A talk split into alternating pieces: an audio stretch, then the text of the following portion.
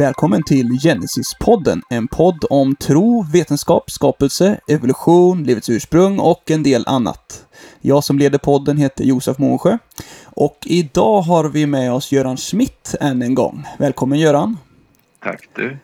Du är ju presenterad sedan tidigare, men nu har vi kört några avsnitt eh, med andra ehm, eh, emellan här. Men eh, du är ju eh, aktiv som föreläsare och förespråkare för föreningen Genesis och eh, lite annat sådär va, smått och gott. Du är pensionär. Mm.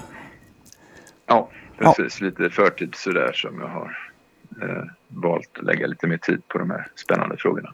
Precis. Så idag så är ju planen att vi ska ta och eh, köra ett litet avsnitt med lite frågor och svar, för vi har ju fått in en del sådana och en del saker har vi redan tagit upp i liksom bara av farten i våra program. Men det är ändå intressant att, att plocka in lite, lite frågor och svar sådär konkret för att koppla med våra lyssnare. Jag, eh, jag kan ju berätta själv bara kort här att jag, jag var på eh, 25-årsfest eh, härom helgen och man vill ju inte liksom stöta på med sina egna åsikter allt för ofta i alla sammanhang, men det blev framåt kvällen så att det var någon som ställde lite frågor kring detta eftersom jag, de vet att jag, kompisar som vet att jag är igång med detta och vi fick en eh, lång stund med spännande samtal om skapelse, evolution och, och så vidare. Och det är ju väldigt roligt.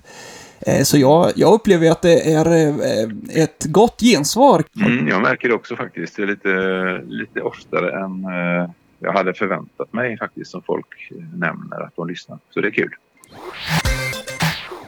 Vi ska ge oss in här nu då i detta med eh, lite frågor och svar och då har vi en eh, som har frågat lite här, Jörgen Alén, eh, kring neandertalare och vårat DNA och att det finns ju vissa likheter och skillnader och hur, hur ser man på det egentligen?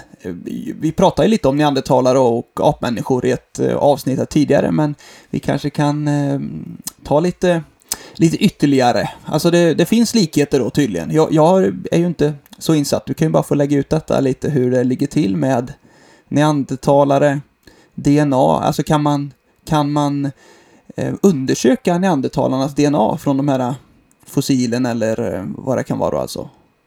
Mm, ja, det, det, kan man faktiskt göra och det är tack vare att eh, en svensk forskare som heter eh, Svante Pääbo som har eh Eh, analyserat eh, DNA från skelettdelar av neandertalmänniskor. Eh, och då har han konstaterat att vi som eh, du och jag och eh, många lyssnare som, som är från Europa, Väst, eh, Västeuropa och sådär. Vi har någonstans mellan 2 och 4 procent med neandertal-DNA i våra egna gener. Eh, Alltså synen på neandertalmänniskan har ju ändrats eh, ganska drastiskt kan man säga under de sista hundra åren. För att eh, det ser man på när man tittar på bilder på eh, neandertalmänniskor så var det ju liksom en hukad, hårig varelse för, i början på 1900-talet och idag avbildas neandertalmänniskan som fullt modern i princip. Alltså. På goda grunder därför att man har ju lärt sig mer och mer om neandertalmänniskorna. Men den där likheten, den säger någonting ganska intressant. Eh, den säger ju helt enkelt att, eh, att människor, moderna människor och neandertalmänniskor har bildat familj en gång i tiden.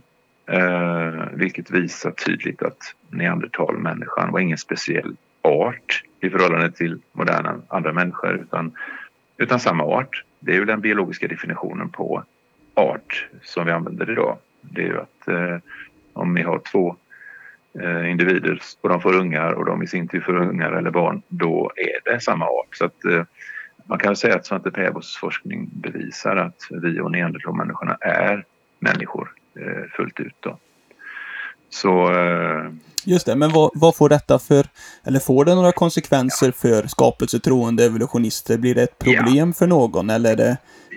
Nej, det, det, det är ju bara intressant. Det som skiljer den evolutionära synen från skapelsesynen är ju i stort sett bara tidsperspektivet.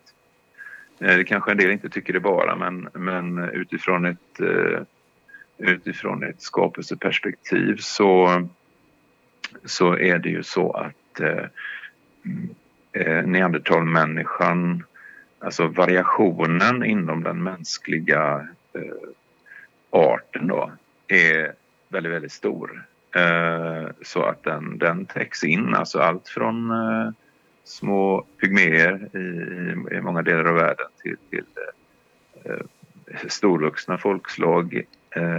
Neandertalmänniskorna var tämligen storvuxna egentligen. De, de hade ju större skallvolym än, än vad vi har eh, sådär i snitt. Så att, eh, så att spännvidden är väldigt stor. I, i det bibliska perspektivet så, så var det så här att Eh, mänskligheten eh, är, är ung eh, och har ett, hade ett spridningscentrum nerifrån trakten av Mellanöstern, alltså nuvarande Irak kan vi säga. Och spreds därifrån ut över, över jorden då. Och det innebar att ibland att det blev mindre grupper som isolerades och eh, kom att liksom utveckla olika särdrag sådär genom något som genetiker kallar för genetisk drift helt enkelt. Alltså att, att eh, eh, ja, det, det, uppstår helt enkelt skillnader bara genom att delar av populationer eh, isoleras och, och mm. kanske det, det, blir en viss mått av inavel och sådär och så blir det olika eh, utseenden och, och sådär. Så att eh, i, det perspektivet så är ju neandertalmänniskorna en folkgrupp så att säga som, som kom att eh, ja, känneteckna då eh, kännetecknas av vissa drag som gör att de är lite olika än oss. De har lite kraftigare ögonbrynsbågar och lite lägre panna och, och lite annan form på bröstkorgen och sådär. Men i stort sett så tyder allt på att de var fullt moderna människor och att de levde då i det bibliska perspektivet efter syndafloden då eh, under en, eh, en period. Vi vet inte riktigt hur länge. Men man har hittat dem i, i Mellanöstern, man har hittat dem då i Västeuropa och sådär. Så att...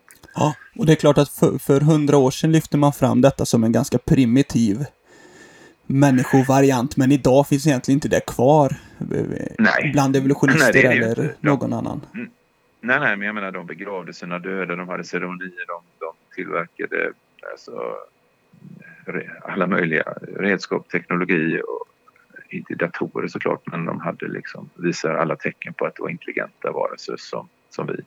Så att, var, var det, det, är den, den moderna bilden mm, på neandertal. För hundra år sedan så lyftes det som ett starkare argument för evolutionsläran då, att här har vi en primitiv människovariant. Eh, Men idag så gör man inte det för man, mm, man vet nej, mer alltså, om neandertalarna.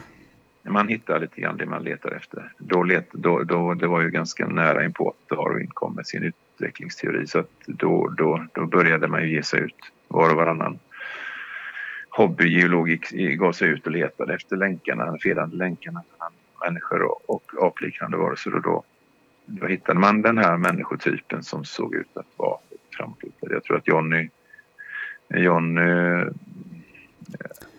eh, pratade väl lite grann om det där, tror jag. Jajamän. I sitt program. Precis. Mm. Ja, men eh, lite om neandertalarna. Lite kul bara liksom. Mm. Det, det, finns ju alltså, han hade ju, eh, neandertalmänniskorna hade liksom en sorts, ja, kusin eller vad man ska säga eh, i, lite längre österut då, som heter Denisova-människan. Då, mm. eh, som, eh, där är det något liknande. Svante Pääbo har, har varit inblandad där också då, och eh, visat att eh,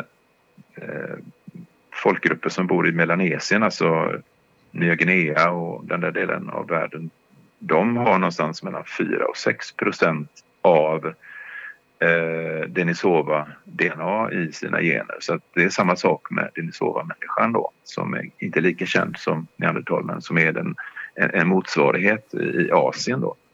Och eh, han har också visat att Denisova och neandertal också mixades med varandra så att det här bara förstärker egentligen bilden av en mänsklighet men lite olika drag, lite olika karaktärsegenskaper eh, och sådär.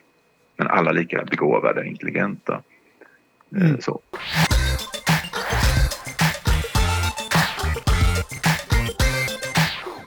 Vi tar och går vidare här.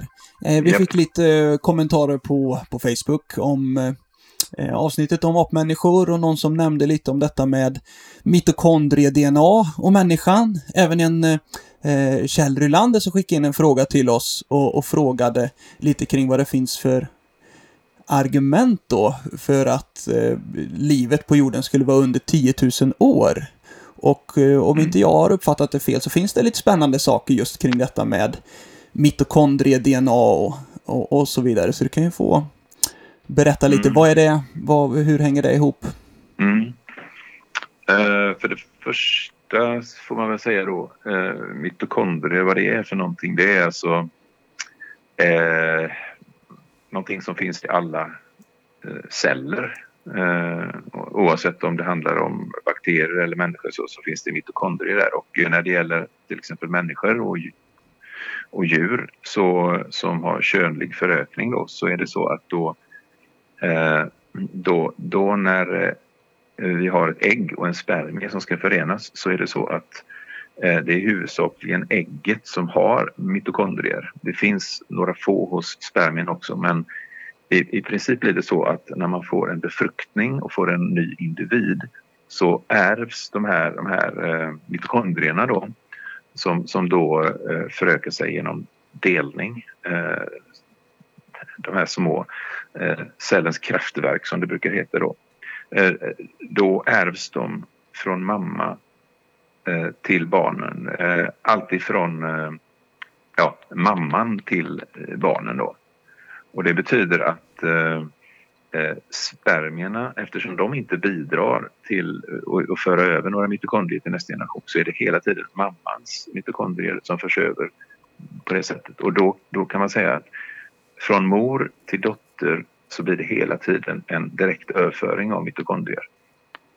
Och därför så har man då eh, och det är så här då att de här små, små kornen eller grynen som finns inne i cellerna de innehåller lite, lite grann eget DNA. Annars är DNA samlat i cellkärnan då, men, men de har lite eget DNA. Och eh, då kan man studera just mitokondrie-DNA i olika generationer av kvinnor. Så tittar man på kvinnor utöver världen så, så, så eh, skiljer sig deras mitokondrie-DNA lite grann ifrån varandra. Eh, därför att ibland sker det mutationer, slumpmässiga förändringar eh, även av det här mitokondrie-DNA. Och om det inte har någon allvarlig negativ effekt, ibland har det det och då föds det ingen, ingen, inget barn så att säga. Va? Men om det inte har en eh, negativ effekt då, då blir det bara en, att det blir en förändring i DNA mellan generationerna. Så tittar man nu ut över världen och tittar på kvinnor från olika världsdelar, vilket man har gjort och analyserat, analyserat deras mitokondrie-DNA så ser man då att där finns det skillnader. Och genom att titta på hur stora skillnaderna är och beroende på var man bor så kan man rekonstruera ett mönster då för hur eh, människor har spridits ut över jorden. Eh, det finns kartor om det så, så googlar man till exempel på mitochondrial Eve eller sådär så, så kommer man hitta eh, kartor som är väldigt eh, intressanta. Därför att där ser man ett spridningsmönster som stämmer väldigt, väldigt väl överens med det som vi hittar i Första Mosebokens tionde kapitel. Där eh, det beskrivs då hur, de, hur Noas tre söners, Eh, då, alltså Sem, Ham, Jafet, deras avkomlingar, deras eh, släkter och folkslag som, som följer, dem, hur de spreds ut över jorden. Och det mönstret i mitokondrierna stämmer jätteväl överens med det. Det som inte stämmer överens riktigt med eh, eh med det bibliska perspektivet det är framförallt då hur länge sedan det skedde. Därför att där är det då eh, enligt ett evolutionärt perspektiv så handlar det om 130-140 000 år sedan då som alla nu levande kvinnor eh, eh, hade då en urmoder då. Eh, en ensam urmoder så att säga i, i, i den bemärkelsen att alla nu levande människor härstammar just från henne. Hon brukar kallas då mitokondrie-Eva då. Mm. Och det är inte, alltså då kan man tycka, men alltså tror forskningen då på, på, på Adam och Eva? Nej, det gör de inte. Eh, men, eh, men det genetiken visar på är att alla nu levande kvinnor härstammar från just en kvinna. Hon brukar kallas för mitokondrieva. De tror inte att hon var ensam på jorden på den tiden. De tror att det fanns tusentals andra kvinnor. Men att det var bara just hon eh, vars gener som då fördes vidare av olika skäl. Och det intressanta är nu då, hur kan man då veta hur länge sedan det var? Och då är det så här att om, om vi kan faktiskt då mäta hur stora skillnader det är i DNA i mitokondrierna hos kvinnor som lever idag eh, för att kunna räkna ut hur lång tid sen som den där mitokondrie-Eva levde, ja då måste vi veta hur ofta som det sker mutationer i, i mitokondrierna. Eh, och det finns två sätt att ta reda på det. Det, det, det första sättet, eh, och det är det som forskarna brukar använda, det är att man tänker så här. Vi vet, och nu säger jag vet med citationstecken för att jag är bibeltroende. Men de säger så här, vi vet att människor och schimpanser har en gemensam urmoder som levde för ungefär 6 miljoner år sedan. Okej? Okay? Mm. När vi nu vet det, då tittar man på hur stora skillnader är det i mitokondrie-DNA mellan schimpanser och nu levande kvinnor. Och så får man fram en skillnad. Sen delar man den skillnaden då, eller det, det antalet skillnader med 6 miljoner år. Och då får man en mutationshastighet som är ganska låg. Och när man tillämpar den hastigheten på de här skillnaderna som finns idag, då får man fram de här siffrorna på 130 till 140 000 år. Men det finns ett sätt till. Just det, så bara för att återkoppla då. Då ja, betyder det alltså att ja. man, man tar den här evolutionära tidsskalan och så får man fram en hastighet där. Så, så det har ju ingenting ja, att göra med några experiment eller några undersökningar egentligen, utan det är bara att man mm. utgår från tidsskalan då. Precis, man utgår från som, som man har som utgångspunkt att evolutionen är sann, att människan har utvecklats och schimpanserna från en gemensam apliknande förfader eller urmoder. Eh, och så ut, eh, utgår man från att det var då för 6 miljoner år sedan. Och då räknar man fram en mutationshastighet och då får man fram tids, en, en ålder på mitokondrieva som är någorlunda i överensstämmelse med evolutionära förväntningar, det vill säga termer av hundratusentals år. Men det andra sättet att eh, ta reda på en sån här mutationshastighet eller uppskatta den, det är att man faktiskt mäter hur många skillnader som det finns i DNA, i, i mitokondrie-DNA. Om man, om man tar till exempel en gammelmormor och en eh, mormor och en mor och en dotter och en dotterdotter eller ja, ni vet sådär va. Då kan man faktiskt ta eh, undersöka deras eh, mitokondrie-DNA och se hur många skillnader det faktiskt blir. Och när man gör det, och det har man gjort lite oberoende av varandra i, i, i, eh, i olika undersökningar, då får man en mutationshastighet som är 20 gånger högre än den hypotetiska som man räknar fram genom att jämföra schimpanser och människor. Eh, och det betyder att då får vi dividera de där 130-140 000 år sedan, åren med en faktor 20. Och då landar vi faktiskt på någonstans kring 6-7 000 år. Det, det, det, här är ju ingen exakt vetenskap utan det här handlar om uppskattningar. Men, men eh, det handlar på ett eh, bibliskt, eh, biblisk, enligt med biblisk kronologi helt enkelt. Eh, så att därför kan man säga så här faktiskt att utifrån de mest pålitliga genetiska eh, observationerna så är det så att eh, alla nu levande kvinnor förefaller ha en urmoder som levde för någonstans kring 6000 år sedan. Och det, det är rätt fascinerande. Och det är ingenting man hör någonting om eller, eller sådär. Men, men det, så här verkar det. Och, det. och det här är ju ett väldigt eh, alltså, intressant då för att den här mätningsmetoden då, att man kollar upp skillnaderna i nu levande kvinnor och så får man fram en mutationshastighet. Den visar ju liksom hur stor skillnad det faktiskt är idag och så jämför man den bakåt i tiden då så får man fram eh, en tids, tidsram. Och det är ju inget konstigt att göra en sån mätning, eller hur? För att så, det är väl mm, ungefär så man tänker på andra områden då, där det är, inte, det är inte säkert du håller med där då, men, men typ så här, man kan prata om träd och hur många, hur gammalt ett träd är man mäter trädringarna. Alltså det är på något sätt ja. en, en eh, liknande metod, eller hur? Ja, det är man, ett sätt att obs- observera Ja. eh, hur, hur det faktiskt är. Sen, sen är det så här då, okej, de här två metoderna finns det att avgöra liksom, eh, mutationshastigheten. Och vilken väljer forskare då att, att basera sig på? Jo, men, ja, men det är hela tiden då den som bygger på evolutionens faktum, det vill säga den där som ger de högre åldrarna. Så att i, i det här fallet så väljer man aktivt och föredrar den metoden som ger de höga åldrarna istället för den andra.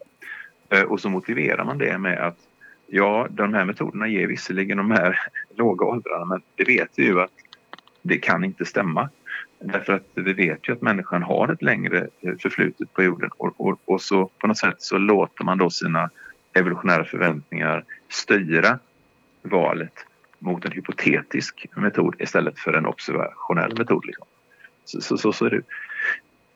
Nu är det så här att eh, bara för att bekräfta det här, eh, eller ja, i alla fall ge, ge, ge, liksom ytterligare stöd för att vi faktiskt har en, en väldigt ung mänsklighet så är det faktiskt så att man kan göra motsvarande studier på män.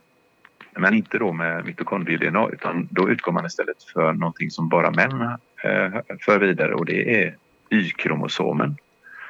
Eh, vi har ju 46 kromosomer och, och två av dem är könskromosomer. En X och en Y för män och två X hos kvinnor så det är bara män som har Y-kromosomer. Och när man gör en, motsvarande undersökning av DNA i Y-kromosomer då upptäcker man att variationen i Y-kromosom-DNA mellan män den är faktiskt mindre den variationen än i Y-kromosom eller i eh, mitokondrie-DNA hos kvinnor. Så att om man använder sig av samma resonemang där, man alltså använder sig av det där, den där förmodade eh, mutationsfrekvensen, då får man en ålder eh, på eh, alla mäns urfader som ligger eh, kring ungefär 60 000 år. Eh, och eh, eh för ett par år sedan då så gjorde man, eh, och, där finns det då eh, rapporterade, alltså motsvarande undersökningar hos män då när man då tittar på hur har då farfar och far och son, hur, hur, hur har eh, hastigheterna förändrats? Och eh, nu gjorde man för ett par år sedan och de har då eh, tidigare rapporterats stämma överens ganska väl med de här 60 000 åren då. Men nu gjorde man häromåret en liten undersökning där man, där man eh, analyserade de här eh, eh mutationshastigheterna, hur man räknar fram dem. Och då har det visat sig att de var eh, alltså eh, felaktigt, de byggde på felaktiga förutsättningar. Så, så 2017 kunde man visa att, att eh, den tid som män, eh, alltså alla män härstammar från, den var någonstans kring 4500 år. Eh, så att eh, också den, alltså också mäns urfader tycks ha levt för några få tusen år sedan och aningen eh, yngre då än, än, än vad kvinnor är, vilket är lite konstigt men, men, men så tycks det vara. Och det är ju en väldigt, väldigt kontroversiell siffra givetvis detta. Alltså båda de här, Ja. 4500, 6 7000. Ja.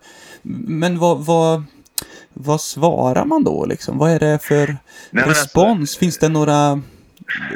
Alltså, Menar man att mutationshastigheten har skiftat då från evolutionärt håll? Eller, Ja, det är- eller menar man att ja, det- undersökningarna är ja, det- felaktiga? Eller? Ja, men alltså ett, ja, men ett, sätt, ett, sätt att, ett sätt att, eh, att, att på något sätt eh, bortförklara, får man nästan säga, då, de här resultaten, det är att säga det att eh, ja, mutationshastigheten var eh, troligen då lägre förr i tiden än vad den är idag, när vi kan mäta. Och det är klart att det vet vi inte, så det, det skulle ju kunna vara så att idag är eh, människans mutationshastighet avsevärt högre än vad den var för ett antal tusen år sedan och därför är de här, de här angivelserna felaktiga på det sättet. Så det, det kan man liksom inte säga någonting emot egentligen. Det skulle kunna vara så. Men hel, e, egentligen är det så här att vetenskapen jobbar hela tiden utifrån hur nuvarande processer är och så, och så extrapolerar man det bakåt i tiden. Eh, och, och när vi gör det, ja men då får vi det här att, att, eh, att, att människan tycks vara bara några tusen år gammal. Och För det finns ingenting som tyder på att mutationshastigheten har varit lägre? Eller finns det några... Nej, det belägg inte. för det? Utan, Nej, det gör det inte.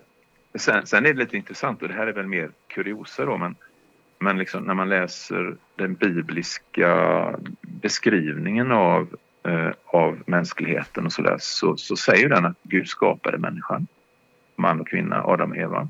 Vi fick en population och sen står det i Bibeln om en, en global översvämning där bara åtta människor överlevde, Noa och hans familj.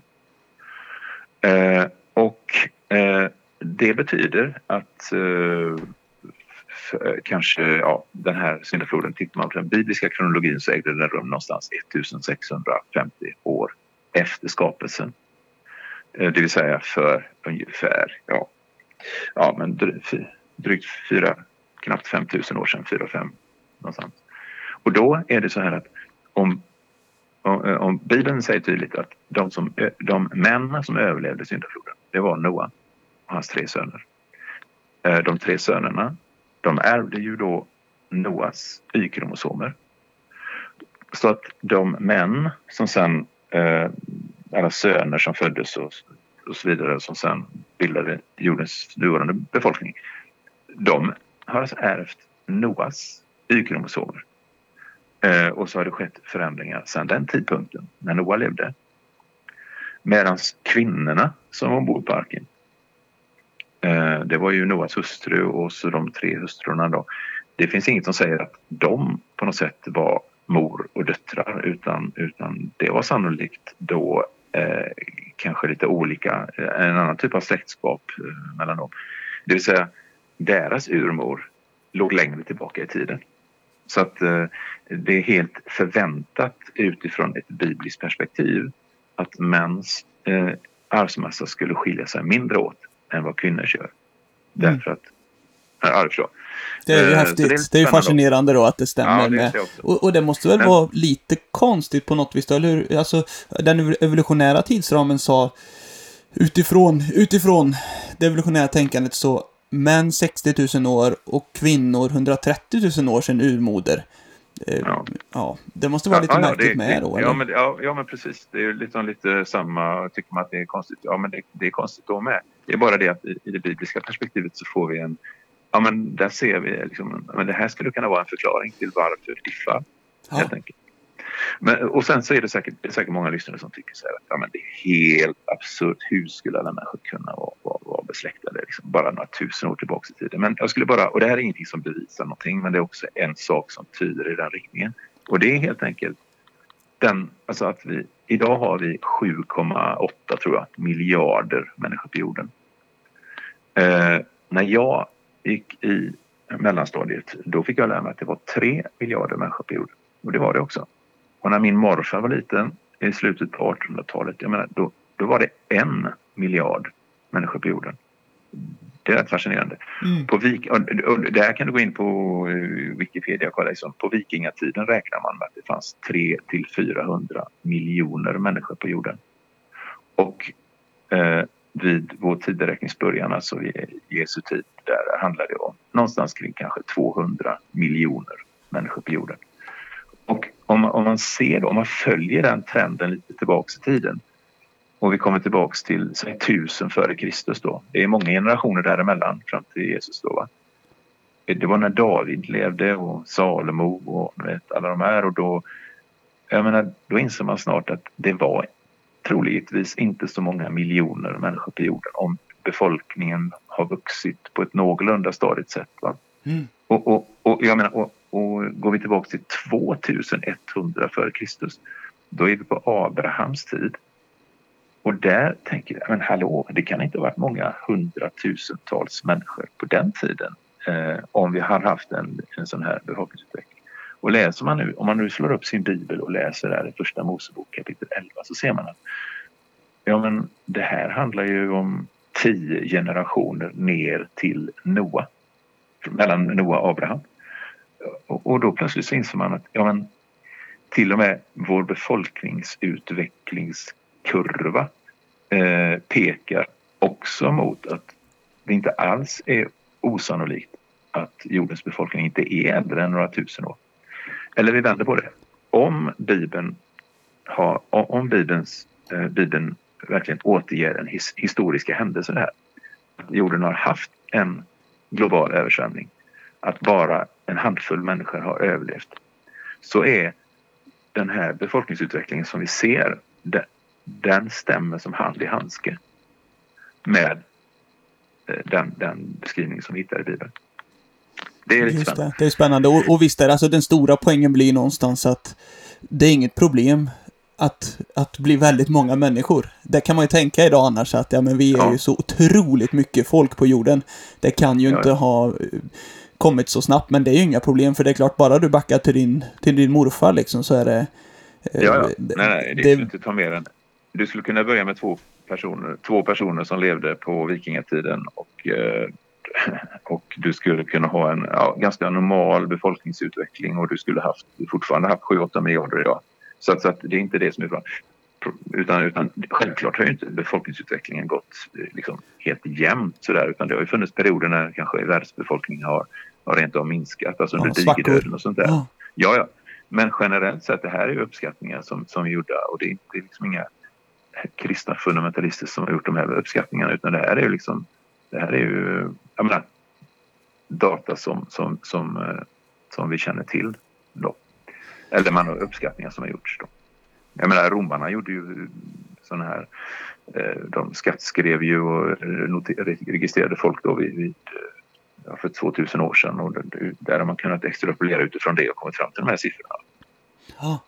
Nu Men har sen vi... det orden- Ja, vill du säga något mer kring det? Det var, den där, nej, men det var den där killen som frågade om det här med eh, djuren då, på jorden och djurens ålder. Mm. Eh, och, och, och där är det faktiskt så att där har man gjort eh, där har man gjort eh, alltså liknande undersökningar på då mitokondrie-DNA. Eh, och, och där var nu, det var för knappt, eh, vad blir det, ja drygt ett år sedan. I slutet på 2018 då så var det en eh, så var det en vetenskaplig rapport som publicerades då. Eh, den hade rubriken Why should mitochondria define species? Eh, och vi behöver inte gå in på exakt vad det eh, rubriken syftar på. Men då hade de, de här forskarna tog helt enkelt data från 100 000 djurarter som man då hade kartlagt mitokondrie-DNA hos. Och sen så gjorde man på samma sätt där. Man jämförde likheter, man räknade på mutationshastigheter och det visade sig att, tro, hör och häpna alltså, 90 procent av de här, alltså 90 000 av de här arterna, eh, där fick man fram en sorts urmoder då som levde samtidigt som mitokondrie-Eva. eh, så att det, tycks alltså som att jordens djurliv också har ett, ett lika, en lika kort historia som män, människan har. Vad, vad utgår man från för mutationshastighet då? Jag har inte siffran på det, men man kan läsa den där rapporten. Mm. Eh, Det är, en- går, man in, går, du in, går du in på till exempel vår webbsida då, genesis.nu och scrollar ner en eh, bit där så, så har vi en artikel där som, eh, eh, som har rubriken eh, Nya rön, 100 000 arter analyserade. Så genesis.nu och sen bara scrollar man neråt och går till, eh, jag tror man får välja för den andra fliken eller sådär. Så, så kommer man att hitta det. sig Och vidare. det, gäller, det, gäller, och det gäller även mitokondrieva och kromosomer och allt det där. Det, det finns också, det kan man gå in och kolla på där också om man Det vill veta länkat. referenser och Precis. sånt. Ja. Så det här, det, här är, det här är modern genetik. Den moderna genetiken bekräftar ett, ett, eh, en ung ålder, så att säga. Då, eh, på jordens djurliv. Eh, Alltså nu levande arters. Eh, då. Och sen, kan man, sen spekuleras det då. va, hur kan det vara så här? Eh, eh, hur ska man förklara det här utifrån ett evolutionärt perspektiv? Jo, hypoteser som man har lagt fram det är då att ja, men jordens djurliv kan ju inte vara så ungt utan det måste varit så här, funnits då populationer med djur men sen så har det skett någon form av naturkatastrof som har utrotat då nästan alla utom några få och så har liksom de här olika djurkategorierna eh, utvecklats på nytt och, och så har den här mitokondrieklockan eller mutationsklockan börjat ticka från en ny tid, tidpunkt. Liksom. Mm. Och sen så tänker de, ja eftersom evolutionen är ett faktum så måste ju djurlivet vara verkligen miljontals och miljarder år gamla och därför så måste det här har haft ett långt evolutionärt förflutet innan dess då. Men eh, ja, men så ser det ut liksom. Så man kan säga så här att vara bibeltroende idag eh, och, och hävda att vi har en ung värld, vi har en ung mänsklighet, en, en, att jordens djurliv är ungt. Det kan vi göra med, med rak rygg idag.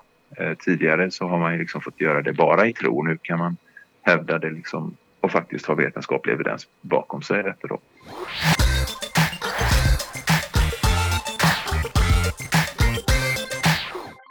En klassisk fråga som någon har skrivit in här också. Alltså om, om Gud skapade världen då, vem skapade Gud? Det är ju en sån man hör från lite alla möjliga ja. håll. Lite banalt. Ja, ja jag, har, jag har fått den jättemånga gånger också så. Eh, och eh, det man kan säga är väl att, att, frågan egentligen är felaktigt ställd. Den är inte alls dum på något sätt, men, mm. men, men just bara lite felaktig då. Och jag vet, eh, Anders Gärdebom brukar formulera det så här att du brukar formulera om den här frågan som att vem skapade den oskapade guden? Eh, och, och, då inser man att den där frågan innehåller en självmotsägelse då. Eh, därför att eh, Gud är inte skapad. Han, han har skapat en värld, han har skapat rummet, tiden, materian. Eh, har Gud skapat. Och eftersom Gud skapade tiden så står han själv utanför den. Eh, och, och, det är egentligen så som Gud presenterar sig också för Mose. När, han, när, han, när, när Mose frågar efter eh, vad heter du? Så säger Gud jag är. Alltså det, det är Guds natur, ett ständigt varande. Så, eh, så för Gud är inte tid någon begränsning och när Gud skapar någonting då kommer det skapade att vara ett sken av ålder eller en illusion av ålder. Mm. Visst, visst, kan man vända på, visst kan man vända på frågan lite också och säga så här att alltså, ing, någonting kan ju inte komma ur ingenting. Absolut ingenting. Så någonting måste ju vara evigt. Är det inte liksom så också? Alltså ja, även för det, den det, som är, är ateist. Ja, men det är, det är ett klassiskt eh, liksom, teologiskt argument. Det, finns ju... Eh, de flesta människor inser att, att, att eh, det måste finnas något bakom det faktum att det finns. Liksom, Eh, men det finns, det finns en bibelvers som uttrycker det där med det ganska, ganska eh, pedagogiskt egentligen. Det att, att för Gud är en dag som tusen år och tusen år som en dag. Det, det på något sätt tycker jag illustrerar det här att, att, att tiden är irrelevant för Gud. För oss är det inte det. För vi följer den där tidslinjen och vi åldras och så. Men för Gud är det inte så. Det är också därför som, som det som hände i samband med syndafallet och det som hände när Jesus stod på korset, att det kan ha relevans här och nu. Det är för att eh, betydelsen och, och, effekten av det som hände där, det är någonting som eh, likt Gud är utanför tiden då. Så Gud, så därför är det, det, det är viktigt att tänka på det också. Annars är det en vanlig fråga. Hur, hur kan det spela för roll att Jesus dog för, tusen år, för, för 2000 år sedan? Vad, vad, kan det ha med mig idag att göra? Svaret är att de, de händelser som är där, de, de är relevanta här och nu därför att för Gud är allting ett enda nu. Så, så att det var väl lite vidare utveckling. Men, mm, mm. Så, att, så, att, så att det är en bra fråga. Men, men frågan är, eftersom Gud är så är det ingen som har skapat Gud. För han är, är, är, är och alltid ärigt. och, så, och så en liten fråga om Eh, kring syndafloden, vi pratade lite om i ett föregående avsnitt här om geologi och hur, hur det hänger ihop med Bibeln och sådär. Och, och då kom det upp en frågeställning just kring, alltså sediment som är någorlunda utan fossil då. Eh, hur, hur har det kommit till? Alltså det kan ju inte ha kommit till i och med syndafloden, för då borde det ju varit fossil i. Men det finns ju det, det som är prekambriskt då, eller vad det heter. Det är ju ja, ja, utan fossil. Ja, det, det, det är ju så här. Alltså, det, vi har ett urberg, eh, granit och andra typer av bergarter som ligger längst ner och sen så finns det då på många platser på jorden eh, så finns det då hundratals meter tjocka lager ofta av, av fossilfria berg, då prekambriska berg. Sen kommer det då mängder med fossilförande lager ovanpå det. ända upp i Himalaya, alltså eh, de höga bergskedjorna på jorden är liksom eh, fulla med marina fossil till exempel. Då, hela Himalaya, Mount Everest topp, där hittar man liksom sjö, liljor och hajfossil och allt möjligt. Och, Och det är klart att en, en evolutionist svarar ju då Ja. kring detta prekambriska berget att det kommer ju från en tid då det inte fanns utvecklat liv. Men hur tänker en... Exakt. En men, eh, Om man säger så här, det finns, det finns tre, om man säger så här, det finns tre eh, händelser eller skeenden som Bibeln tar upp som, som, som eh, har bäring på det här. Det första är, först skapar Gud världen. Han skapar himlen och jorden. Eh, sen på den tredje dagen, då står det att Gud säger, för då innan den tredje dagen så har vi en, en jord som är helt täckt med vatten. På den tredje dagen så säger Gud att han tar, säger att låt, eh, låt eh, land träda fram. Det vill säga vad som händer där det är helt enkelt att havsbotten eh, eh reser sig upp och det blir en kontinent, en urkontinent. Eller flera, det vet vi inte men, men åtminstone en i alla fall. Va? Och det som händer där, alltså vi, vi vet idag att i hav, världshaven så har vi i snitt kanske tre kilometer med vatten. Om vi skulle platta ner alla bergen så skulle vi haft ett tre kilometer tjockt vattentäcke kring hela jorden idag. Det kanske inte var lika mycket dess, vid den tiden men, men åtminstone handlar det om kilometer med vatten som ska nu forsa av en kontinent som reser sig ur havet. Och det, det räcker med 50 mm eh, regn så vet vi vad det kan åstadkomma liksom, av erosion och sånt där. Så att när kilometervis med vatten ska rusa av den här kontinenten så blev det en enorm erosion, ett geologiskt arbete. Det bildades enorma mängder sediment, sand, grus, lera, sten, block, allt. Och det där eh, samlade sig då, packades i tjocka lager och beroende på kemisk sammansättning så, så cementerar det ihop. När det trycks ihop, avvattnas, värms upp så hårdnar det. Eh, ungefär som cement hårdnar. När kemisk sammansättning inte är sån riktigt, ja men då förblir det mjukt och då kunde det sen vara jordmån för växtligheten. Men så att redan i den tredje skapelsedagen så bildades då tjocka lager kan vi förvänta oss av sedimentära bergarter eh, eh sådär på jorden. Sen gick det ett antal år. Det gick liksom eh, åtminstone som jag nämnde 1650 år kanske något sånt där. Sen kom syndafloden. Eh, och- då skedde det än en gång att hela jorden översvämmades. Inte så att, inte så att, att eh, Mount Everest och de här bergen fanns på den tiden för jordens konturer på den första tiden hade, var inte alls så höga som, som de är idag. Liksom. Det kan vi ju se eftersom bergskedjan idag faktiskt består av eh, fossil, eller eh, bergarter som har bildats under vatten. Utan det som hände var att nu översvämmades världen, mängder med djur, växter begravdes, eh, även människor. Eh, och de här lagren kom då att hamna ovanpå de tidigare berglagren. Eh, och det blev en, en, en, en fossilfördelning där ovanpå dem. Och sen finns det, det här var den andra, det andra stora eventet om man får kalla det för det då. Mm. Eh, och det tredje, det kan man läsa om i, i en psalm i, i eh, Gamla Testamentet, psalm 104. Där står det hur bär, alltså vatten täcker jorden, det beskriver syndafloden. Och sen så står det då att, att eh, Gud låter berg höja sig och dalar sänka sig eh, på den plats som har bestämt så att vatten inte, inte en gång till ska övertäcka jorden. Så att de här mjuka sedimenten nu då, de, de, de kom alltså då att eh, efter syndafloden, de kom nu alltså att, att tryckas upp eh, och bilda bergskedjor.